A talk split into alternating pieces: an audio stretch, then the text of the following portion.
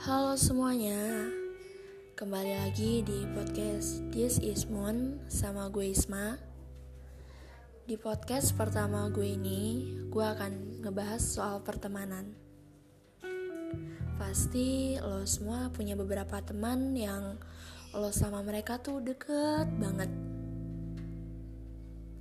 Nah, kalau ngebahas soal pertemanan Jadi ingat sama mereka-mereka yang dulu selalu ada yang gak kenal waktu kalau lagi berbagi cerita dari yang sedih sampai gembira sampai titik untuk saling sapa aja tuh jadi berat rasanya. Ya benar adanya hukum alam dalam pertemanan itu tuh nyata Mungkin hampir semua orang pernah ngerasain jadi yang paling dekat, paling istimewa buat beberapa orang, sampai akhirnya jadi jauh, termasuk gue.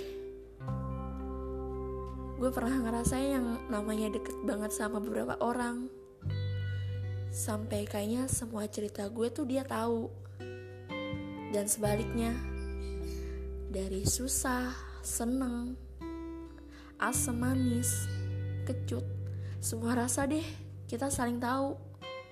Sampai ya udah jadi jauh gitu aja.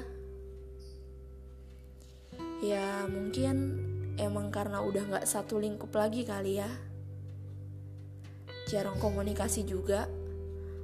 Atau udah gak sepemikiran. Atau juga gue nya kali ya yang so sibuk macam-macam alasan yang ngebuat gue sama mereka jadi berjauhan. Pernah sewaktu-waktu gue ngerasa sedih, yang sedih banget. Gue ngerasa banyak teman menyenangkan, ya tapi ribet juga sih. Karena kadang gue mengharuskan diri gue tuh selalu ada buat mereka. Mengharuskan diri gue tuh adil, yang padahal tuh di luar dari kendali gue. Sampai akhirnya gue capek sendiri dan mikir apa pun yang mereka lihat, yang mereka pikirin tentang gue, mereka nggak tahu realitanya gimana. Jadi ya udah. Dan seiring berjalannya waktu, emang banyak hal yang harus kita pahami. Perihal datang dan pergi, yang kembali ataupun tidak kembali.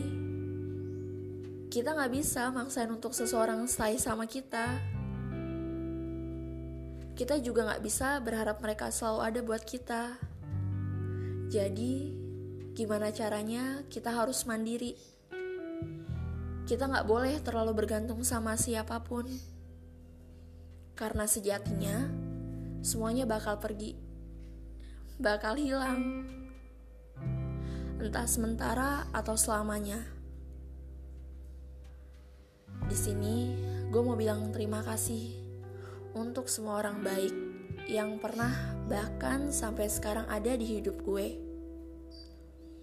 Buat yang pergi dan gak kembali, terima kasih untuk cerita dan kenangannya.